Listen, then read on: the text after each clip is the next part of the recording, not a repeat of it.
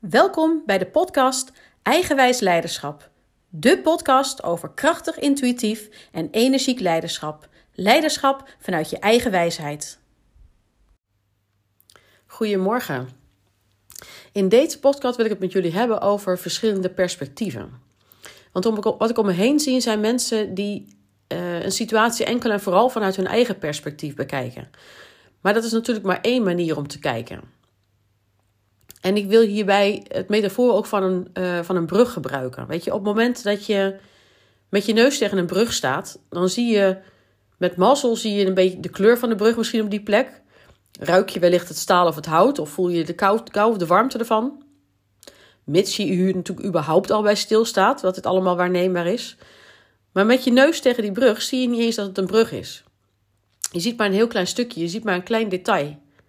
Pas wanneer je een paar stappen achteruit gaat doen, dan zie je het bredere plaatje. Misschien zie je nog niet eens het hele geheel. Je ziet een stukje van de constructie. Um, je ziet welke, hoe de onderdelen wellicht met elkaar samenhangen. Hoe de onderdelen van elkaar afhankelijk zijn. Uh, hoe ze met elkaar verbonden zijn of hoe, uh, hoe niet met elkaar verbonden. Misschien zie je ook wel dat de brug uit verschillende materialen bestaat, verschillende kleuren, verschillende tinten heeft. Dat kan je allemaal waarnemen als je een, waarnemen als je een paar stappen eigenlijk achteruit doet. Je ziet dan in ieder geval al een groter plaatje. Maar wanneer je nog een paar stappen achteruit doet, zal je zien dat de brug een verbinding is tussen twee plekken, twee bergen misschien. Het is een overbrugging van een kloof. Het is altijd, de, de brug is altijd een verbinding tussen twee tussen twee plekken. Een overbrugging om de weg van de ene kant naar de andere kant makkelijker te maken of sneller te maken. Het is een versimpeling van de weg van A naar B. En je ziet dan ook dat de brug aan de ene kant misschien ook anders geconstrueerd is dan aan de andere kant. En als je nou ja, voor de brug staat vanuit, en je kijkt vanuit punt A naar de brug en je gaat langzaam stap voor stap de brug over, dan ben je gefocust op de overkant op punt B. Of nou ja, als het een behoorlijk gammele brug is, dan ben je misschien enkel op je voeten aan het letten. Maar dat je elke stap ook een goede en veilige stap maakt. En vanuit, uh, vanuit dit punt, bekijk je de brug ook anders dan vanaf de zijkant. Je perspectief is dan de overkant en vanaf de zijkant zie je meer de verbinding. Maar wat nou als je de brug vanuit de onderkant gaat bekijken? Wat zie je dan? Of wanneer je in een mooie luchtballon over de brug heen vliegt en deze van boven bekijkt.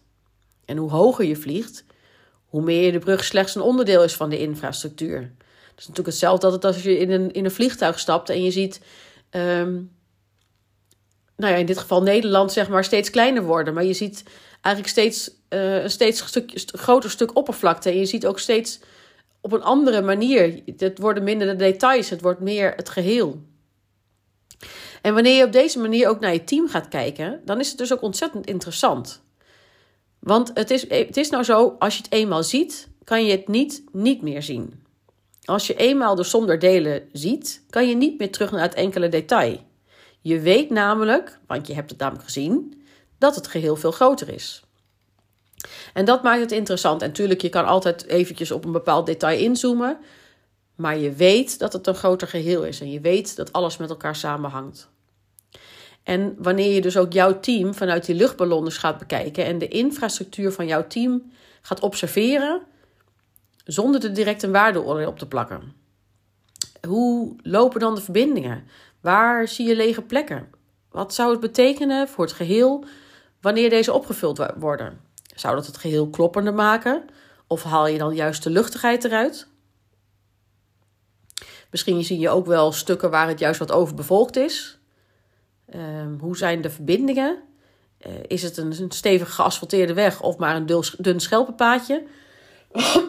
Je kan op deze metafoor vanuit de, uh, de infrastructuur, vanuit bruggen, vanuit wegen, kan je zo ontzettend mooi naar je team kijken. Want je team zie ik ook als een systemisch geheel. En door het vanuit het metafoor van deze infrastructuur te bekijken, wordt het wat visueler gemaakt. Misschien wat tastbaarder ook voor jou. Want als de mensen in jouw team de gebouwen zijn, waar de infrastructuur omheen loopt, hoe kijk je dan naar de gebouwen? Welk gebouw is het meest opvallend? Welke heeft de meeste kleur? Welk gebouw staat er wellicht op instorten? Of misschien is er wel een gebouw uh, amper zichtbaar omdat het overwoekerd is met bomen. Maar ook ehm, welke gebouwen staan er dicht op elkaar? Welke gebouwen staan aan de rand van de gemeenschap? Misschien eigenlijk al buiten, buiten bebouwde komgrenzen. En voelt dat oké voor jou als leidinggevende of zouden ze eigenlijk wat dichterbij moeten? En nou ja, kijk ook eens naar de, naar de zichtlijnen. Welke gebouwen zijn het verst van elkaar verwijderd? Uh, loopt daar überhaupt een verbinding tussen? Welke gebouwen staan er op een rijtje? En welke staan soort crisscross door elkaar heen? En als we toch bezig zijn, liggen er ook nog verbindingen met andere gemeenschappen dichtbij, dan wel over zee? Het is echt boeiend om het op deze manier te bekijken. En het grappige is, ik stuurde uh, op een gegeven moment een team aan waarbij het team over zeven vestigingen verdeeld was. En het team op de ene locatie was veel meer een eenheid dan het team op de andere locatie. Um, ook had één team, of, meer, of meerdere teams, maar was, was er echt verschil tussen de teams over hoeveel verbindingen er lagen naar andere locaties. Het ene team was veel meer op zichzelf. Um, de ene locatie had veel meer kleurrijke en hoge gebouwen. De andere locatie haast enkel laagbouw. Weet je, dus het, je ziet ook daarin kan je ook bij verschillende teams als onderdeel van een afdeling kun je ook al dat soort vergelijkingen maken. En ook uh, om aan de slag te gaan met strategische personeelsplanning, kan het systemisch bekijken van je team, van je medewerkers, naar mijn idee heel helpend zijn vanuit die metafoor van infrastructuur. En als ik kijk hoe ik dan zelf uh, strategische personeelsplannen heb gemaakt of dan wel nog steeds maak, dan kijk je, weet je, naar het aantal jaren werkervaring, naar senioriteit. Nou ja, laat dat eens de hoogte van het gebouw zijn. En je kijkt naar wat de bijdrage is van iemand, of het een drager is van het team of niet. Nou ja, dat zou je kunnen aanwijzen op basis van de hoeveelheid verbindingen om het gebouw heen. En uh, verwacht je nog groei bij iemand? Zorg dan voor ruimte om het gebouw heen, in de breedte dan wel in de hoogte. En waar heb je nog vacatures te vervullen? Dat zijn dan uiteraard je lege ruimtes. Of um, de medewerkers die minder goed functioneren. Dat zijn dan de gebouwen die bijvoorbeeld scheef staan. Of de medewerkers aan de rand, op de rand van een, van een burn-out. Dat zijn je kwetsbare gebouwen. Weet je direct dat je daar aandacht op moet richten en uh, om de fundering een beetje te verstevigen. Nou, zo kun je nou ja, al dit soort dingen bedenken van... hey, kan ik het ook visueel maken voor mezelf? Kan ik het voor mezelf ook tastbaarder maken? Um, zodat je nou ja, er ook gelijk een, een, een beeld bij hebt. Want ik, ik merk bij mezelf dan werken met een uh, Excel-tabel waar je dat soort dingen in neerzet. Of je schrijft het eenmaal een keertje in Word op papier.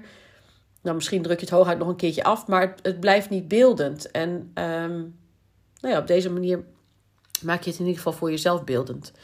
Dus ik denk dat je het plaatje wel een beetje eh, krijgt, zeg maar, zoals ik het, uh, zoals ik het bedacht heb.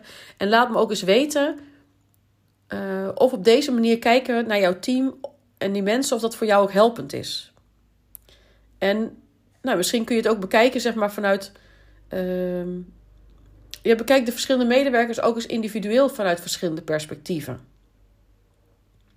Want daar begon ik natuurlijk mee. Hè? Als je dus met je neus tegen die brug staat, dat je dan niet eens ziet dat het een brug is. Maar het is ook als je uh, iemand vanaf uh, onderaf bekijkt, kan iemand wellicht misschien helemaal niet goed functioneren. Maar wanneer je er een hijskraan boven gaat hangen, kan het zijn dat je denkt: ja, verrek, maar hij staat, hij of zij staat gewoon niet op de juiste plek. Maar wanneer ik hem 100 meter verplaats, dan gaat het gebouw ineens oplichten. Dan krijgt het veel meer licht en ruimte. Weet je, dus, dus dat is ook inderdaad van, kijk, soms zit iemand gewoon niet op de juiste plek. Of omdat die zo'n nauwe samenwerking heeft met iemand, wat misschien in het begin wel helpend geweest is, maar later niet meer. Uh, dat hij dus ook inderdaad nou ja, zijn eigen ruimte niet krijgt om zich verder inderdaad te ontwikkelen. Dus ook op die manier kun je vanuit die verschillende perspectieven ook naar iedere individuele merken kun je, kun je kijken. En het, uh, het verrijkt ook je blik. En wat ook ontzettend interessant is, uh, is om je ook eens te verplaatsen in de ander. Weet je, uiteindelijk kun je het ook eens, goh, kruipers in de huid van de medewerker zelf. Hoe zou hij of zij het kunnen zien? En kruipers in de huid van um, nou ja, een medewerker die er vlak, vlak naast zit, of die er uh, dagelijks mee moet samenwerken. Hoe zou hij of zij eraan uh, naar kunnen kijken? En uh, tuurlijk, je kan niet helemaal weten hoe het brein van de ander werkt. Dat is hetzelfde met communicatie. Zeg dat, dus dat is zo dicht mogelijk langs elkaar heen praten. Maar je praat natuurlijk niet op hetzelfde, want je hebt niet hetzelfde denkkader. En toch kan je je heel goed, um, nou ja, vanuit, als je het dus gaat bekijken vanuit meerdere perspectieven, dan zal je zien dat ook jouw eigen blik in ieder geval verruimt. Nou ja, weet je, kijk, en het is natuurlijk ook, stel dat de medewerker uh, dat het echt niet meer werkt met de medewerker, dat die echt niet meer goed functioneert. Ja, dan maak je als het ware een soort verhuisplan. Ik bedoel, sloop klinkt dan ook zo cru. Dus uh, ik weet dan even geen andere metafoor daarvoor te bedenken. Maar ook daarin kun je gewoon uh, de metafoor er in ieder geval opplakken. Nou ja, hoe dan ook, wat ik al zei, laat me eens weten wat het je brengt om je team vanuit deze verschillende perspectieven en de, de mensen vanuit verschillende perspectieven te bekijken. Vanuit de metaforen van gebouwen en infrastructuur. Nou ja, en vergeet ook daarbij vooral niet te glimlachen, want het is allemaal al serieus genoeg. Dus um, nou ja, ik had in ieder geval plezier met het opnemen van deze podcast. En ik, nou ja, ik zie het beeld in ieder geval helemaal voor me. Dus ik ga daar zeker ook uh, zelf weer mee aan de slag. Uh, voor nu wens ik jullie in ieder geval een hele fijne dag. Groetjes! Vind je het leuk om me verder te volgen? Anders gezegd, wil je niets van me missen? Abonneer je dan op mijn podcast. Ik ben sowieso erg benieuwd wat je van mijn podcast vindt en ik zou het enorm waarderen wanneer je een review achterlaat. Tot snel!